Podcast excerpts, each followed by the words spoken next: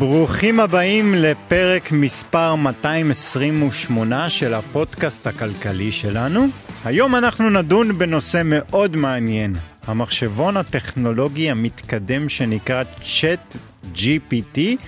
נדון על מה זה צ'אט GPT ואיך הוא משתמש בתוכנות למידה עמוקה כדי להגיב לשאלות ולפעולות בדוקומנטציה.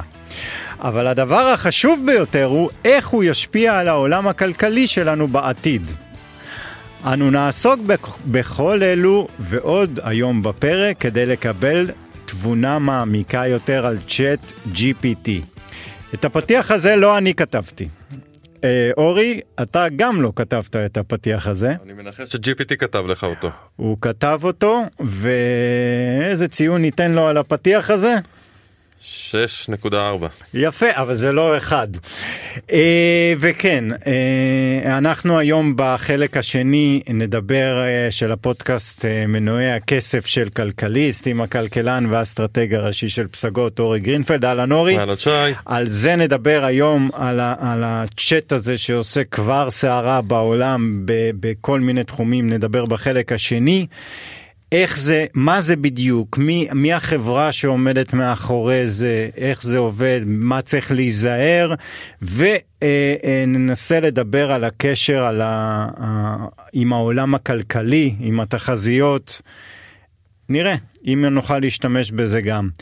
אבל את הפרק היום נתחיל עם האירועים מהשבוע האחרון פה בכלכלה המקומית שלנו. ולפני, אתה יודע, קורים כל כך הרבה דברים, באמת, פתחנו את השנה בסערה, ינואר בסערה פתחנו, והייתה החלטת ריבית השבוע ב... ביום שני אחרי הצהריים, ואנחנו עוד פעם מדברים על העלאת ריבית של חצי אחוז, אנחנו כבר עם ריבית של אה, שלושה אחוזים ושלוש נקודה שבעים וחמישה אחוזי ריבית, זה, זה שיא של אה, 14 שנים. כן.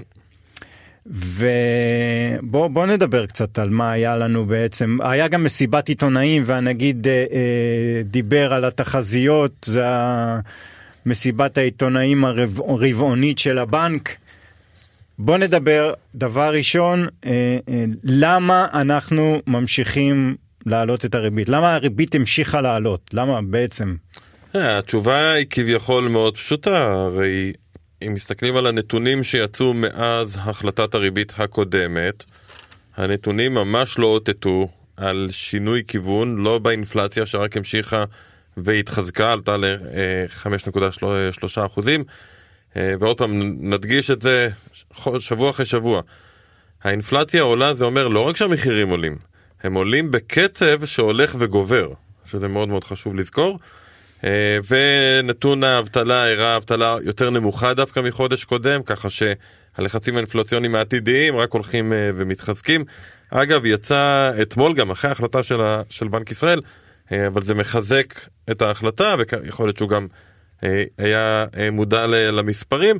הלשכה המרכזית לסטטיסטיקה מלמדת אותנו שהשכר הממוצע במשק עלה ב-12 חודשים האחרונים, האחרונים זה המדידה, כן, זה נתון של אוקטובר, אז זה אוקטובר 22 לעומת אוקטובר 21, עלייה של אה, חמישה אחוזים וארבע עשיריות אה, בשנה הזו, ואם האינפלציה היא 5.3 זה בעצם אומר שאין אפילו שחיקה של השכר הריאלי. אומרת, השכר עולה בקצב יותר מהר מהאינפלציה, כמובן ממוצע, כן? כן. לא אצלנו, אה, אבל בממוצע במשק, וזה בעצם אומר ש... אה, ישראל צריך להמשיך ולעשות כל מה שהוא יכול כדי לעצור את האינפלציה אה, ולכן הוא מעלה את הריבית שוב פעם בעוד חצי אחוז ואנחנו באמת בריבית של 3.75 אה, ואנחנו באמת מסתכלים אחורה כמו שאמרת זו הריבית הכי גבוהה ב-14 שנים האחרונות אבל זו לא ריבית אם מסתכלים באמת בטווח זמן מספיק ארוך ולא רק על ה-15 שנה האחרונות האלה של, שהיו שנים של ריבית אפסית בכל העולם, זו ריבית סבירה. פעם היינו רגילים לזה שריבית של 4% זה המצב הנורמלי. זה לא גבוה ולא נמוך. אז בהינתן המצב של האינפלציה, בהינתן שוק העבודה שהוא עדיין מאוד חזק, בהינתן הנתונים שאנחנו מקבלים על הצרכן אה, בישראל שעדיין ממשיך להגדיל את הצריכה ולרכוש, אנחנו לא רואים האטה אצל הצרכן, אנחנו לא רואים עדיין האטה משמעותית אפילו בסקטור העסקי, בנק ישראל ממשיך אה, במגמה. ואם אנחנו מסתכלים על ההודעה ועל מסיבת העיתונאים, אז כן, אני חושב שצריך לשים לב לשני דברים שהם כאילו מנוגדים. מצד אחד, זו הודעה ראשונה ששומעים מבנק ישראל בין השורות כזה, אה, איזה שהם אה, מסרים, לא יודע אם לקרוא לזה מרגיעים, אלא שהוא מרגיש שאולי בקרוב נראה שינוי. הוא מדבר על בריבית? זה... בריבית? שינוי במה? שינוי באינפלציה. באינפלציה. שהוא, שאולי זה מתחיל לעבוד בעצם. Uh, הוא מדבר על זה שהאינפלציה בחודשים האחרונים, לא השנתית, אלא מסתכלים חצי שנה האחרונה לעומת החצי שנה הקודמת לה, אז כן רואים האטה, הוא אפילו טרח לשים גרף כזה בהודעה שלו. Uh, מדברים על זה שיש בכל העולם כבר מרגישים את ההאטה באינפלציה, מרגישים האטה בפעילות הכלכלית ואין ברירה ש... אלא שזה ישפיע גם על הכלכלה הישראלית. הם מדברים על זה ששוק הנדל"ן מראה סימנים ברורים של האטה אה, כתוצאה ממה שקורה במשכנתאות, ועוד פעם, בוא נזכור, 3.75 ריבית בנק ישראל, זה אומר פריים ב-5.25, נכון? כן. שזה בעצם אומר אם לקחת משכנתה בפריים פלוס 0.9 נגיד, אז אתה משלם ריבית רק על החלק של הפריים אה, של 6% וצפונה, זה כבר ריבית גבוהה. אה, וזה משפיע, ובנק ישראל מציין שזה משפיע, הוא לא אומר מהצד השני משפטים כמו ששמענו בתקופה האחרונה אצל הפד האמריקאי או אצל הבנק האנגלי, שאו-טו-טו הם שוקלים תהליך של האטה, של לא, לא עצירה של העלאות הריבית, אבל להתחיל להעלות אותה יותר לאט. בנק ישראל את זה לא מציין. למה? זה הרי מובן מאליו בגלל זה? אני חושב שזה לאו דווקא בגלל שזה מובן מאליו, אני חושב שבניגוד לארה"ב או לבריטניה, שם רואים כבר את האינפלציה גם שהיא עברה את השיא והיא מתחילה לרדת, אז הבנקים המרכזיים יכולים להרשות לעצמם עכשיו להגיד אוקיי אנחנו נמשיך להעלות את הריבית אבל נעשה את זה לאט יותר וניקח טווחי זמן ארוכים יותר כדי לבחון את השינויים.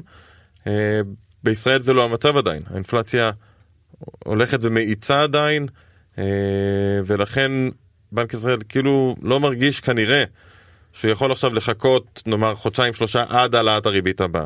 הפחד שזה יברח מהר מדי. אמ, ולכן סביר להניח שנראה גם בחודש הבא העלאת ריבית. זה תרחיש בהחלט סביר. אם זה יהיה רבע אחוז או חצי אחוז עוד מוקדם לדעת צריך לראות מה יהיו נתוני האינפלציה מה יהיו נתוני האבטלה עד ההחלטה הבאה אבל בהחלט אפשר לצפות לעוד העלאות ריבית במשק המקומי. ועוד הפעם הם מצפים ל- לריבית של 4% בסוף השנה? אה, זו נקודה מעניינת, הם פרסמו כמו כל רבעון, מפרסמים, אה, מחלקת המחקר של בנק ישראל מפרסמת את התחזיות שלה, אה, והתחזית לריבית, לריבית בסוף 2023 עודכנה מ-3.5% ל-4%. עכשיו קודם כל, כנראה זה גם עניין טכני, אתה יודע, בפעם האחרונה שעשו תחזיות, אז לא האמינו שהריבית היום כבר תהיה 3.75. אה, אבל כשאתה אומר בסוף שנה 4 אחוזים, זה יכול לייצר שני תרחישים. אנחנו לא יודעים איזה תרחיש בנק ישראל כביכול חותר אליו, או שהריבית תעלה בעוד רבע אחוז, ובזאת באמת יעצרו העלאות הריבית, נגיד והנתונים פתאום יראו קצת יותר טוב, אז התרחיש הוא אפשרי. כן. ואז הריבית תישאר 4 אחוזים עד סוף השנה.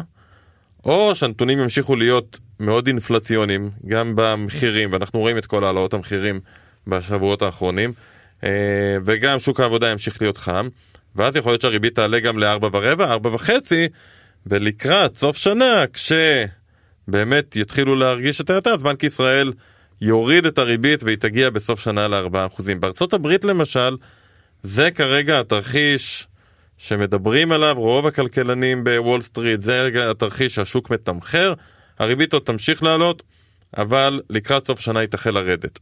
בארץ לא כל כך ברור גם מבחינת התמחור בשוק, גם מבחינת מה שבנק ישראל מתכוון לעשות, אה, ולכן התחזית הזאת לארבע בסוף שנה היא מעניינת, לא, לא ברור מה יקרה עד סוף השנה. ואולי נוסיף עוד משהו שקורה בישראל, שפחות רלוונטי בחו"ל, וזה העניין שבישראל יותר קשה להוריד את האינפלציה כנראה.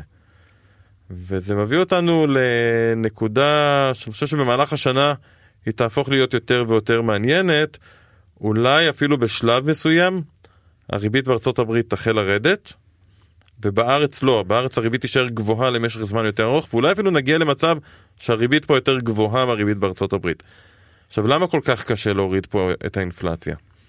קודם כל, המחירים פה לא עלו כל כך מהר כמו שהם עלו בארצות הברית, אז הם גם לא יורדים כל כך מהר. קח את שוק הרכב למשל. שוק הרכב, המחירים בארצות הברית זינקו בעשרות אחוזים, עכשיו כבר רואים ממש ירידה במחירים של רכב יד שנייה. בארץ המחירים זינקו לא באותו קנה מידה, וגם יותר קשה להם לרדת, כי אנחנו עובדים בעיקר עם השוק האירופי, ועדיין יש חסמים. אתה לא רואה פה פתאום הצפה של כלי רכב וירידת מחירים, זה עדיין לא קורה, עדיין אה, אני שומע לא מעט על זה שרכב יד שנייה מקבלים יותר מהמחירון. כן, זה עדיין קורה. טיפה, טיפה מתאזן התהליך הזה, אבל זה עדיין קורה. תהליך יותר כן. איטי. כן, בארצות הברית זה כבר, יש כבר ירידה של 15% במחירי הרכב לעומת שנה שעברה. ירידה מאוד חדה. אז זו דוגמה אחת. דבר שני, הצרכן הישראלי, אגב גם העסקים, אבל זה בעיקר אני חושב משפיע בקרב הצרכן, הוא משמעותית פחות ממונף מאשר הצרכן האמריקאי או הצרכן הבריטי. מה הכוונה?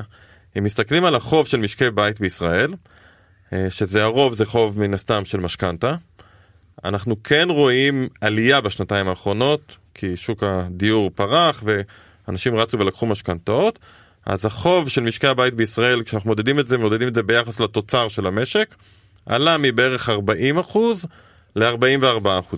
זאת עלייה חדה, אוקיי. אבל אבסולוטית, עדיין יחס חוב לתוצר, חוב של משקי הבית של 44% זה מאוד נמוך ביחס לעולם. בעולם אנחנו מדברים על 70, 80, 90 אחוז בחלק מהמדינות. עכשיו מה המשמעות? ככל שאתה כמשק בית, יש לך בעצם חוב יותר גדול ביחס לעושר שלך ולהכנסה שלך, כל אחוז עלייה בריבית משפיע על ההחלטות שלך הרבה יותר.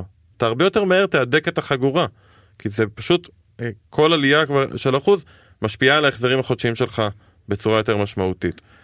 וזה בעצם הכלי של בנק ישראל, הרי למה הוא מעלה את הריבית? כדי שאנשים יצטרכו להתמודד עם ההלוואות שהם לקחו, יישאר להם פחות כסף לצריכה, תהיה ירידה בביקוש, ואז האינפלציה ת, תעצור. בארץ זה פשוט יותר קשה, כי משקי הבית פחות ממונפים, אה, גם העסקים בארץ פחות ממונפים, לעומת עסקים אה, בארצות הברית ואירופה, ולכן כל המנגנון הזה הוא מנגנון שעובד יותר לאט. על זה תוסיף את סקטור הטכנולוגיה. כן, אבל, אבל יש לי שאלה, אני, אני, אני מבין מה שאתה אומר וגם אני מעריך שבבנק ישראל האנליסטים והכלכלנים גם חשבו על התרחיש הזה. אז למה הוועדה המוניטרית, מי שמחליט שם את הריבית, לא באים ואומרים, אנחנו רוצים עכשיו בראש סדר העדיפויות שלנו לחסל את האינפלציה, אז בוא נעלה את הריבית, לא נאט את קצב העלאות הריבית, אלא נגיע לריבית גבוהה, ואז כמו שאומרים עם פטיש ניתן באינפלציה ואז נוריד את זה. למה לא עושים את זה כמו בארצות הברית? למה טוב, כאילו, אני משתמע ממה שאתה אומר שטוב להם עם זה שהאינפלציה תרד באיטיות? לא, צריך להבין שיש פרק זמן ממושך יחסית. בין השינוי בריבית, בין ההחלטה של בנק ישראל, עד שרואים באמת את התוצאות של זה בכלכלה ובטח על האינפלציה. אנחנו עשינו אה, אה, בפסגות חישוב לא מזמן, ובדקנו בעצם איך העלאת ריבית משפיעה על כל מיני חלקים של הכלכלה. אז אתה רואה, זה יצא מאוד יפה, אתה רואה שמיד התהליך, ההשפעה המיידית היא קודם כל על השווקים, שוק המניות בעיקר, מיד מעלים את הריבית, הוא מושפע כי שוק המניות מסתכל קדימה. אחרי זה זה עובר לשוק הנדל"ן, אחרי זה זה עובר לחלקים אחרים של הכלכלה, אחרי זה זה עובר לשוק העבודה, שוק העבודה מגיב למה שקרה בכלכלה, רק אחרי שיש האטה, עסקים מתחילים לפטר עובדים, ורק אחרי שיש האטה בשוק העבודה זה באמת משפיע על האינפלציה. זה תהליך שהוא בערך שנה וחצי. זה תהליך מאוד ארוך, זאת אומרת רק עכשיו אנחנו מתחילים להרגיש את ההשפעה בשוק הנדל"ן של העלאות הריבית של אפריל. הראשונות. כן, כן. זה תהליך שהוא תהליך ארוך. ולכן בנק ישראל לא רוצה היום, אוקיי בוא נעלה את הריבית ל-7%, אנחנו נרגיש את זה בעוד רק שנה, הכלכלה ת, ת, תתמוטט פה למיתון מאוד מאוד עמוק, ואז נוריד מהר את הריבית ורק אחרי שנה נרגיש את ההשפעה של זה.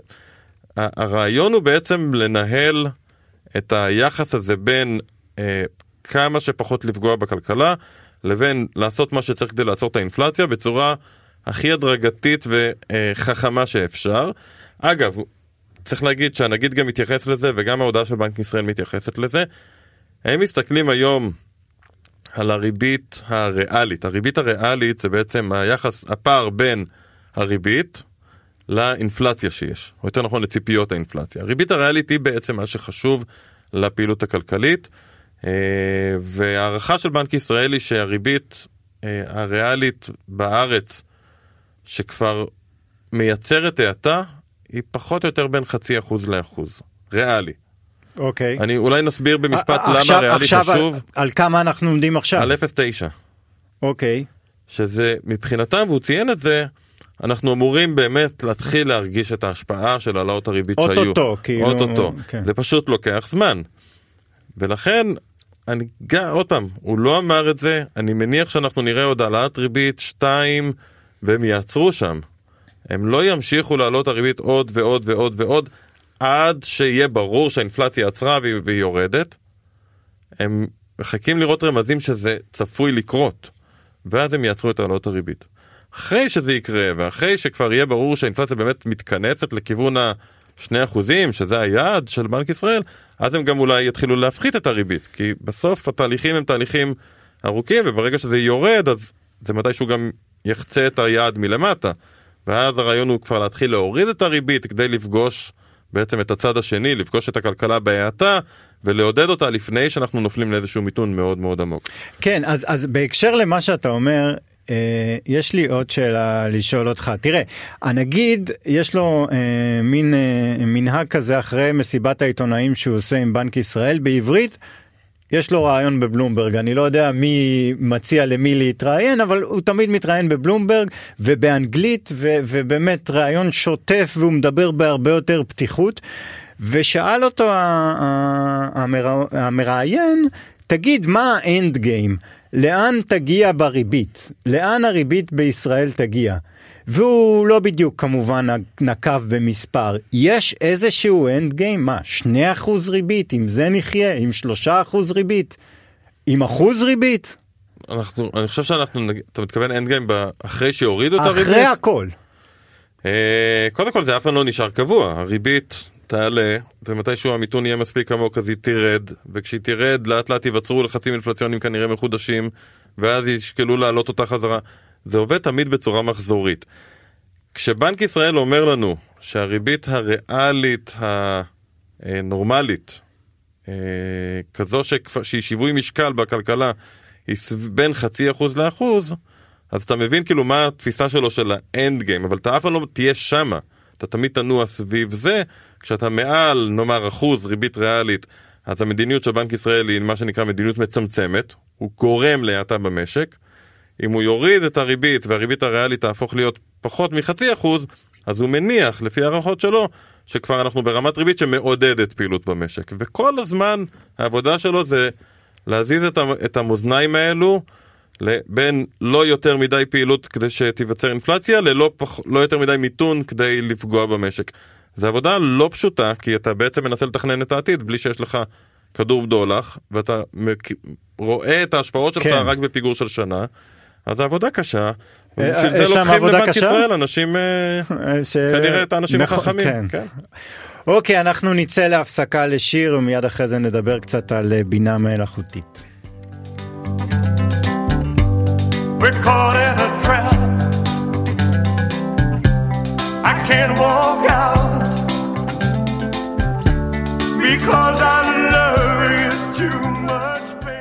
תודה שחזרתם אלינו, איתנו על הקו יהודי ברון, מנכ"ל ומייסד קליידו, חברה בת של אה, בינת תקשורת ומחשבים, המתמחה ב-AI ובדאטה. שלום יהודי, תודה רבה שהצטרפת אלינו. שלום, תודה רבה לכם. אפשר uh, להתחיל מהשאלה הכי בסיסית, מה, מה זה? מה זה צ'אט GPT ומה עומד מאחורי החברה הזו אה, OpenAI שגם פיתחה לנו בעבר כל מיני אה, גימיקים אפשר לקרוא לזה? כן, אז, אז בערך לפני כחודש, בערך בתחילת דצמבר אה, 2022, אה, חברת המחקר שנקראת, כמו שאמרת, OpenAI, השיקה פלטפורמה, או תקרא לזה איזושהי מערכת שנקראת Chat GPT. זה למעשה צ'טבוט שמבוסס על בינה מלאכותית, שהוא יודע לתת תשובות די מפורטות לשאלות, נקרא לזה מורכבות, בתחומי ידע רבים. הוא מסוגל לקיים דיאלוג, לענות על שאלות המשך, לדבר על מגוון יחסית רחב של תחומים. כמובן מבוסס על מודל שפה שנקרא NLP, Natural Language Processing, שפיתחה אותה חברה, אותה חברת מחקר OpenAI, והוא למעשה פועל באמצעות מה שנקרא Machine Learning, למידת מכונה ואימון, והוא מתבסס על כמויות עתק של טקסטים מהרשת. עכשיו OpenAI רק לסבר את האוזן, היא מעבדת מחקר של בינה מלאכותית, היא הוקמה בערך ב-2015 בסן פרנסיסקו. ללא מטרות רווח, ובין המייסדים שלה מן הסתם אפשר למצוא את אילון מאסק וסם אלטמן שהיום הוא מכהן כמנכ"ל.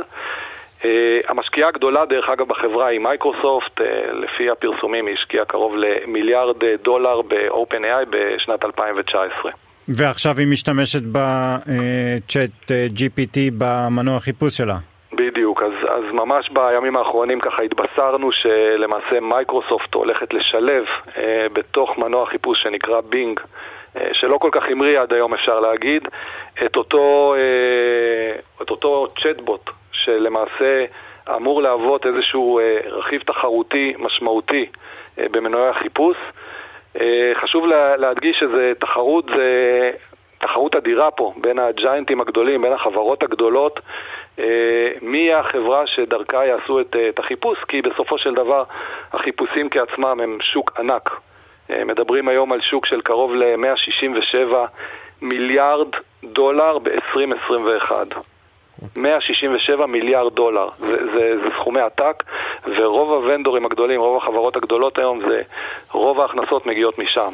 אז יהודי, פה, פה נכנסת איזו שאלה, שאלה כלכלית, אבל לפני השאלה הכלכלית, אני רגע אתפוס את הכיסא של הבומר שאין לו מושג בשום דבר, ואני אשאל שאלה כללית. עד כמה זה באמת בינה ועד כמה זה פשוט אה, תשובות שנלקחות מהאינטרנט, אני אסביר מה אני מתכוון. אם אנחנו מסתכלים על הדלי 2, אותו, אותה מערכת שמייצרת תמונות, עוד פעם, יכול להיות שאני טועה לגמרי, נאמר וביקשתי מהמערכת לצייר לי תמונה של ברווז כחול שמחזיק אה, מיקרופון, אז בעצם המערכת, עד כמה שאני מבין, הולכת לאין סוף תמונות שיש באינטרנט, מוצאת תמונה של ברווז, אם היא לא מצאה ברווז כחול היא תצבע אותו בכחול, תוסיף אה, מיקרופון לפי כל מיני תמונות של איפה ברווזים מחזיקים משהו, מבינה שזה בכנף, ושמה, היא לא מייצרת באמת תמונה במובן שאנחנו מכירים של צייר שמצייר תמונה.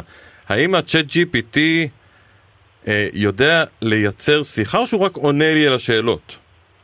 אז השאלה היא שאלה מצוינת ומה זה, זה בינה מלאכותית, אבל אם טיפה אה, נחקור ונבין רגע איך המוח האנושי פועל, אה, הרי גם כשאנחנו כותבים או מנסחים מכתב או, או מייל או כל, או כל דו-שיח למעשה בני בני אדם, הוא בנוי על סוג של למידה, נכון? אנחנו לומדים, אנחנו קוראים, אנחנו מגדילים את אוצר המילים, אנחנו מנסחים דברים על בסיס ניסיון, על בסיס דוגמאות, אה, ובמובן הזה אותה בינה מלאכותית עושה דברים דומים, היא מקבלת המון המון מידע אה, מכל מיני מקורות, מכל מיני דוגמאות.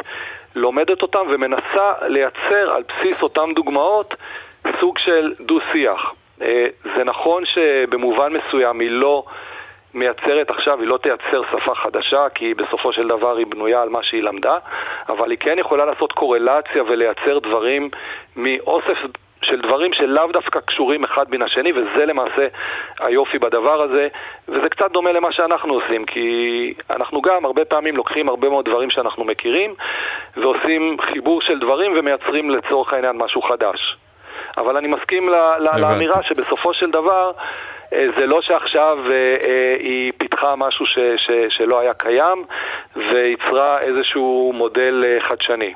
זאת אומרת, הצ'אט GPT לא יגיד לי, עזוב אורי, אתה חופר, ראית אתמול את המשחק של מכבי. הוא לא ישנה את הנושא.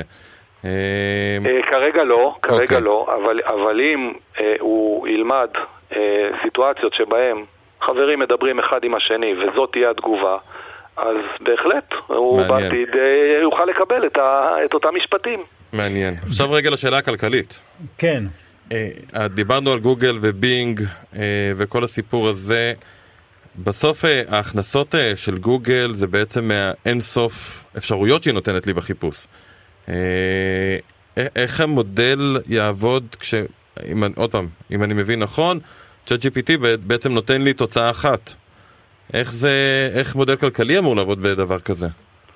תראו, קודם כל בואו בוא נדבר טיפה על, על הנתונים, רק שתבינו את העוצמה של מה שקרה פה, וזה לא פחות מרעידת אדמה, צריך להבין את זה.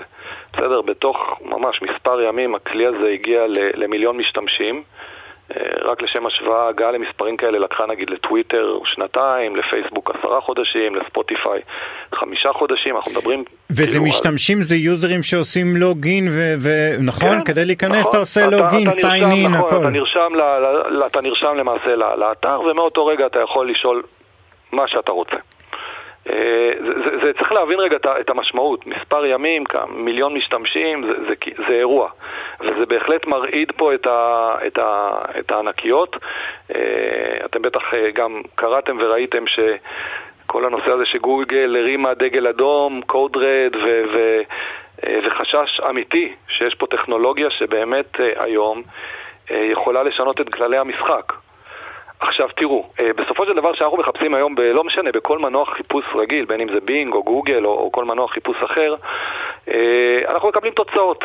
זה לא באמת שפה חופשית, זה לא באמת אה, לבוא ולשוחח עם מישהו. אני מקבל אוסף של תוצאות ואני צריך ללכת לבחור.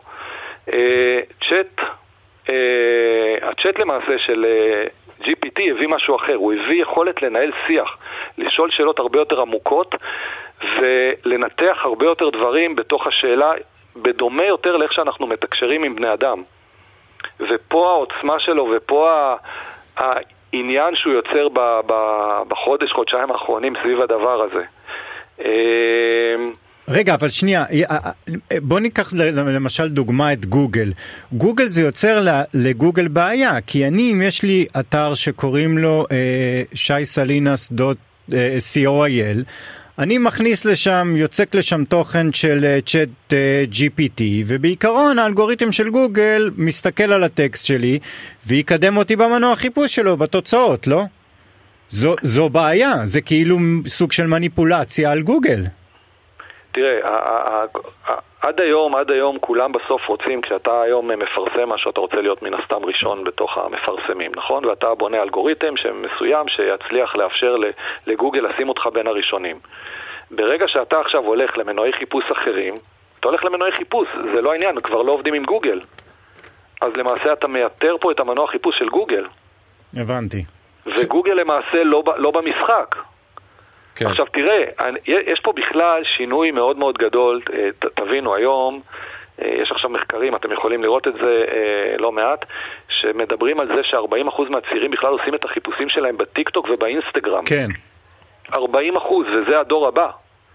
זאת אומרת, זה הרבה מעבר רגע לצ'אט אה, GPT, זאת אומרת, יש פה עכשיו מלחמת עולם, מי יהיה מנוע החיפוש המוביל, ומי בסופו של דבר יחזיר את התוצאות, כי הם לא מחפשים סתם עכשיו אה, שאלה אה, בוויקיפדיה, הם מחפשים מסעדות, והם מחפשים סרטים, וזה הכוח שהיום הם, הם, הם נותנים, וזה זה המון המון כסף. כן. וזה, וזה, וזה שינוי עוד פעם של, של המודל העסקי. זה לאו דווקא זה הכסף יבוא מהפרסומות. העסקי. יכול להיות שאנחנו נשלם על, אה, על מנוי עבור חיפוש כל כך מדויק אה, וכל כך אה, אינטואיטיבי, נסכים לשלם 2 דולר בחודש כדי אה, להיות מנויים לדבר הזה. בעצם אה, הצ'אט עצמו מרוויח מזה שאני מפעיל אותו, נכון? הוא, הוא בונה את עצמו. לא, הרווח הגדול מגיע מהחברות שרוצות לפרסם. אני היום חברה שרוצה לפרסם בפייסבוק, אז אני יכול לפרסם בפייסבוק ולעשות מודעות אה, ממומנות, ואני יכול אה, לקדם את זה ולעשות כל מיני פעולות. בסדר? אני כחברה. אה, ו- החברות הגדולות שמשלמות הרבה כסף. אבל אם אף אחד לא יחפש בפייסבוק או לא יחפש בגוגל, אז החברות יעברו למנועים אחרים. הם יגידו, אוקיי, שווה לי להשקיע בטיק טוק, או שווה לי להשקיע באינסטגרם, או בצ'אט אה, GPT, או למעשה בבינג שעכשיו משלב אה, את הצ'אט אה, GPT, ולמעשה ת- תראה שינוי מאוד דרמטי של איפה החברות הגדולות, אלה שרוצות לפרסם את המוצרים שלהם, את, את הטכנולוגיות שלהם, איפה הן מפרסמות, ושם הכסף הגדול. כן. בוא נדבר רגע על ההשלכות אה, של הטכנולוגיה על אה, מקומות שונים ואולי אפילו גם נתמקד קצת בעולם הכלכלי ובעולם הפיננסי. בסופו של דבר הטכנולוגיה, אם נסתכל על ה-GPT, טכנולוגיה שאני לא אגיד תייתר, אבל בטח אה, אה, תייעל מאוד לא מעט עבודות. אני יכול להגיד, הבן שלי למשל, שהוא לומד אה, תכנות, הוא הפסיק לתכנת, הוא אומר ל-GPT מה, מה אמרו לו לעשות בשיעורי בית, וזה כותב לו את הקוד. אה, אז יש פה שינוי מהותי כנראה בשוק העבודה, אני מניח... וזה עובד טוב? הוא כותב קוד אה, עובד? הציונים שלו, עד כמה שאני יודע, טובים, יכול להיות שהוא... לפי מה שאתה יודע. כן. אה, תראו, אה, זה, זה הרצאה לא- אולי לשיח אחר, באמת, איך העולם הולך להשתנות ב- בעשור הקרוב. אין ספק שיהיו פה שינויים דרמטיים. זאת אומרת, מקומות עבודה ייכחדו, אה, לצד זאת, מקומות אה, עבודה חדשים ייווצרו. אה, כמו, זה לא סתם מדברים על כל, בכלל, כל עולם הבינה מלאכותית כ... אה, המהפכה הרביעית, אה, שחלקם אפילו מגדירים אותם יותר משמעותית מהאש או מהחשמל, אה, אבל זה בהחלט ישנה פה את אה, צורת החיים ואת המקצועות שאנחנו נעשה. תראו אפילו, אה, ניקח רגע לאו דווקא את הג'ט אה, אה, GPT, אבל רכבים אוטונומיים. יש היום מיליוני ומאות מיליוני נהגים, משאיות שמעבירים ממקום למקום, וברגע שיהיה רכב אוטונומי, לא יצטרכו אותם. וקלדניות, וכמו שאמרת, אנשים שכותבים קוד ותכנתים. כן, אה, אה, ההבדל הגדול הוא שאתה יודע, ההיסטוריה מראה ויש איזשהו מחקר מאוד מאוד מעניין שהוציאה בזמנו חברת BCA שההיסטוריה, כל המהפכות שהיו וכל האוטומיזציה שנעשתה, תמיד נעשתה על משרות שמאופיינות בדרך כלל בשכר נמוך. למשל נהגי משאיות, למשל אותם אנשים שהלכו בלילה והדליקו את פנסי הרחוב, או אנשים שחילקו את הקרח.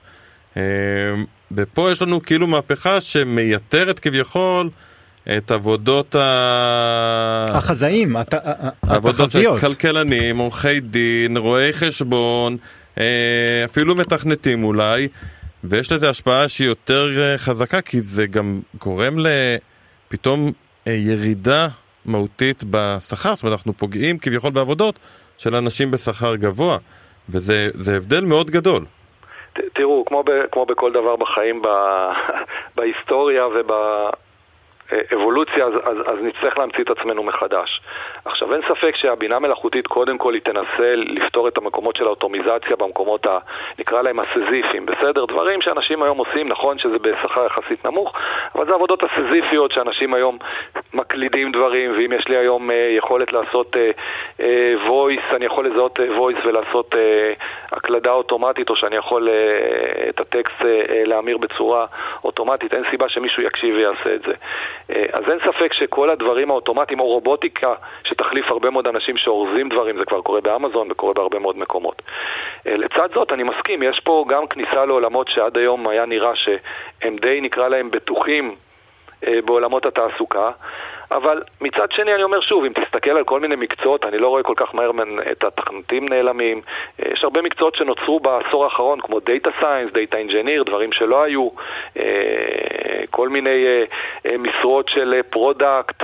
אני חושב שבעולם היצירתי עדיין יש עוד כברת דרך, אה, ויהיה קשה עדיין למחשב להחליף, למרות כמו ה DALL-E אה, שמייצר תמונות מתיאור מילולי, והדברים האחרים, עדיין יש מקום גם ליצירתיות של ה, אה, אה, של ה, שלנו כ, כבני אדם, וגם לנושא שאני קורא לו חמלה, בסדר?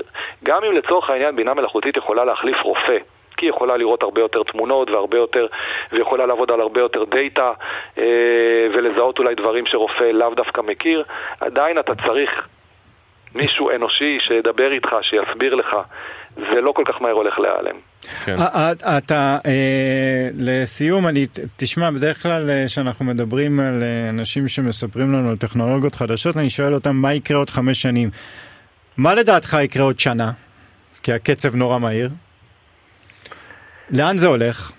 תראה, אין ספק, זה הולך לכיוון של אוטומיזציה וזה הולך קודם כל למלחמת עולם, ככה אני קורא לזה מלחמת עולם במובן הטכנולוגי, בסדר? אה, יש פה, אני לא יודע מי ינצח, דרך אגב, לא הייתי מספיד כל כך מהר את גוגל ולא הייתי מספיד, דרך אגב, אה, יש לציין שגוגל היא בין החברות אה, ועם החוקרים הרבים שסייעו בבניית הטכנולוגיה הזו ועדיין עובדת על זה, אבל אתה תראה פה מאבק אדיר. בסוף על החיפוש, תראה, אנחנו היום עושים הרבה דברים באינטרנט, אנחנו מחפשים, אה, משלמים, עושים המון המון עבודה שפעם היינו עושים רגלית והיינו מתקשרים, היום הכל באינטרנט. אז אתה תראה פה מלחמת עולם, אני לא יודע מי ינצח, זה, זה, אין ספק שזה מרתק. אה, אבל זה רק תחילת הדרך. אנחנו בתחילת הדרך, ואם תדברו איתי עוד שנה על בינה מלאכותית, אני אגיד לכם בטח דברים אחרים, ומקומות אחרים, ו- ועולמות חדשים שנפתחים. זה פשוט מדהים. מעניין. צריך גם תמיד לזכור שעבודות נעלמות, גם נוצרות עבודות חדשות. בסוף לגמרי. הכלכלה רק מתפתחת משיפורים טכנולוגיים. אם היית אומר למישהו לפני 20 שנה שאתה דוג ווקר למחייתך, הוא היה מסתכל עליך כאילו נפלת מהירח. בסופו של דבר, הטכנולוגיה רק משפרת ומייצרת אה, אה, צמיחה כלכלית לאורך זמן, גם אם בטווחי זמן הקצרים, אה, כמובן שיש אה, מקומות שנפגעים. ככה מתקדמת האנושות, אין מה לעשות. לגמרי. לגמרי. יהודי, תודה רבה, אה, השכלנו ולמדנו. תודה רבה. תודה לכם. תודה. אנחנו נצא. להפסקה ומיד נחזור. עכשיו בוויינט רדיו, מנועי הכסף, עם שי סלינס ואורי גרינפלד.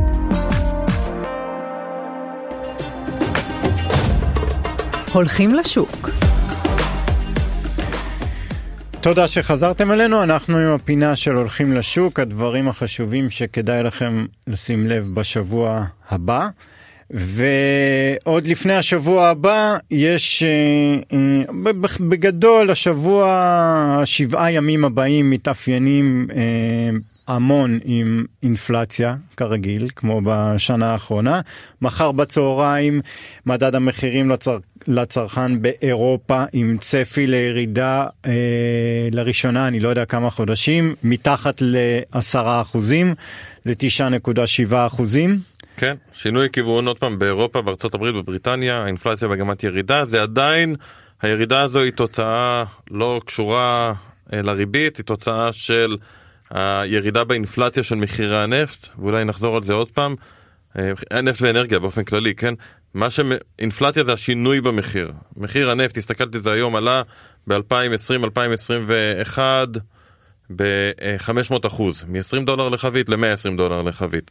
אה, ברור שהוא לא ממשיך ועולה בקצב הזה, הקצב זה בעצם האינפלציה, ולכן רואים את האינפלציה מתחילה לרדת, גם מחירים של מוצרים, אמרנו רכבים, דיברנו במגמת ירידה. השאלה במדדי המחירים לצרכן, שכולם שואלים, זה מתי נראה בעצם את ההשפעה של הריבית. וזה עדיין לא רואים, אה, וכנראה שנראה רק במחצית השנייה של השנה. אוקיי, ובמקביל מחר יש את נתוני התעסוקה בארצות הברית, אנחנו דיברנו על זה בשבוע אה, שעבר. אנחנו עם שיעור אבטלה שנשאר, צפוי להישאר על 3.7 אחוזים, כמעט תעסוקה מלאה בארצות הברית, תוספת של 200 אלף משרות. אה, אתה יודע מה, אני אשאל אותך רק על הנתון הזה שאלה אחרת, אם הנתון הזה אכן יהיה ככה כמו הצפי, בפד יהיו מרוצים? אה, אני לא חושב... עזוב פד, משקיעים, השווקים. אם, תראה, בסוף, אם זה כמו הצפי, אז השווקים... אז- אז שום דבר לא יקרה. לא, לא לרעה ולא לטובה אה, מגיבים. אה, אני חושב שהשווקים מבינים היום אה, שעד שנרגיש את ההשפעה של שוק, על שוק העבודה, זה ייקח עוד זמן, אה, ולכן אין איזשהו צפי לעלייה מהירה באבטלה. אה, מחכים לראות קודם כל את העצירה בשכר. שהשכר בארצות הברית עלייה בקצב של 6% בשנה האחרונה, עלייה מאוד מהירה.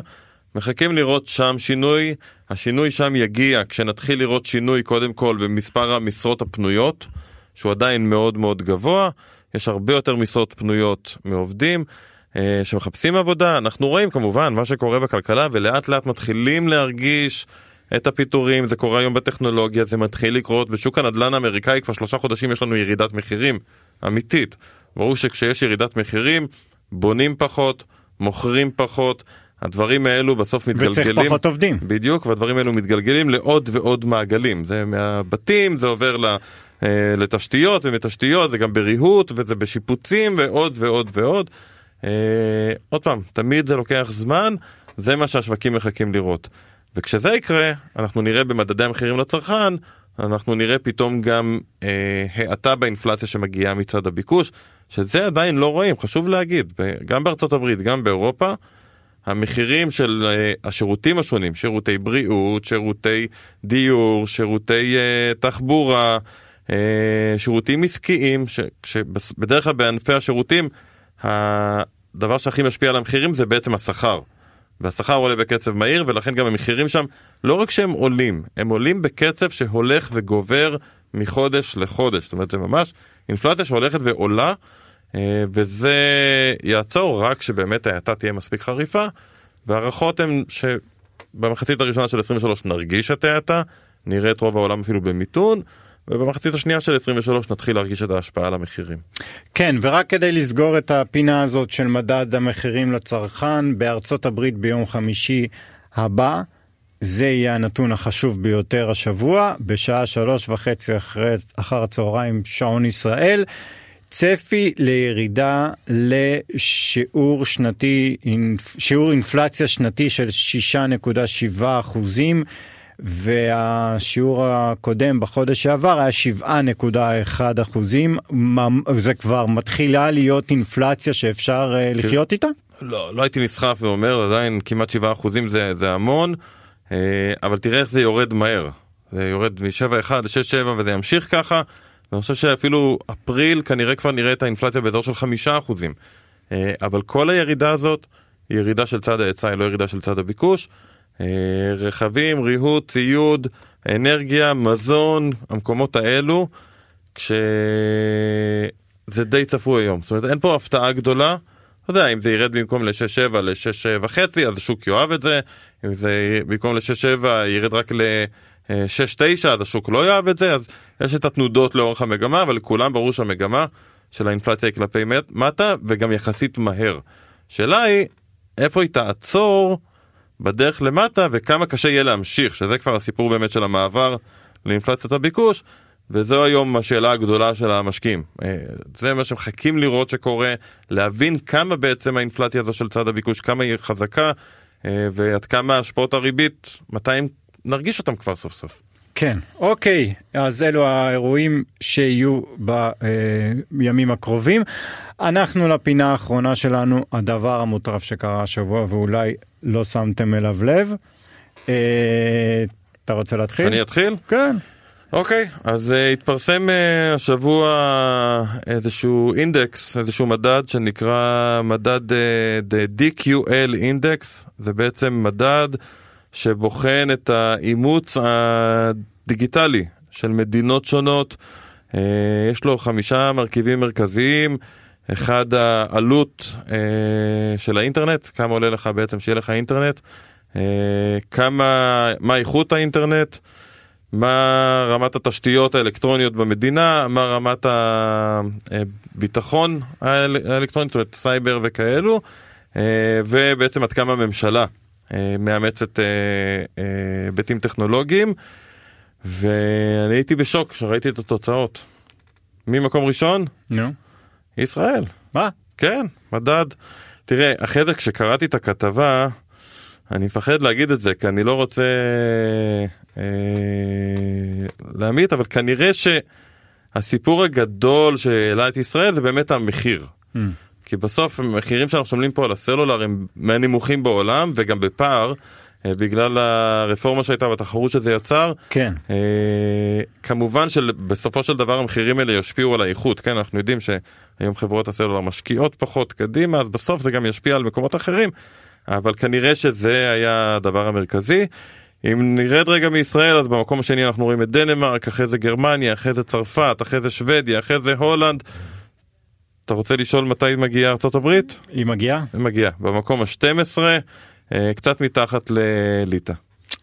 אוקיי, אז לפחות במשהו אחד אנחנו מקום ראשון.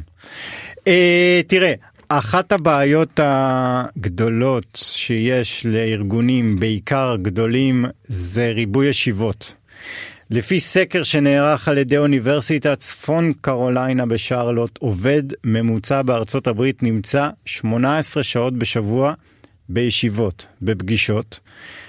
אה, העובדים עצמם אה, שולחים ריג'קט לפגישה רק ב-14% מהפעמים, למרות שלפי הסקר הם היו מעדיפים לשלוח ריג'קט לשליש מהפגישות, פשוט לא נעים להם.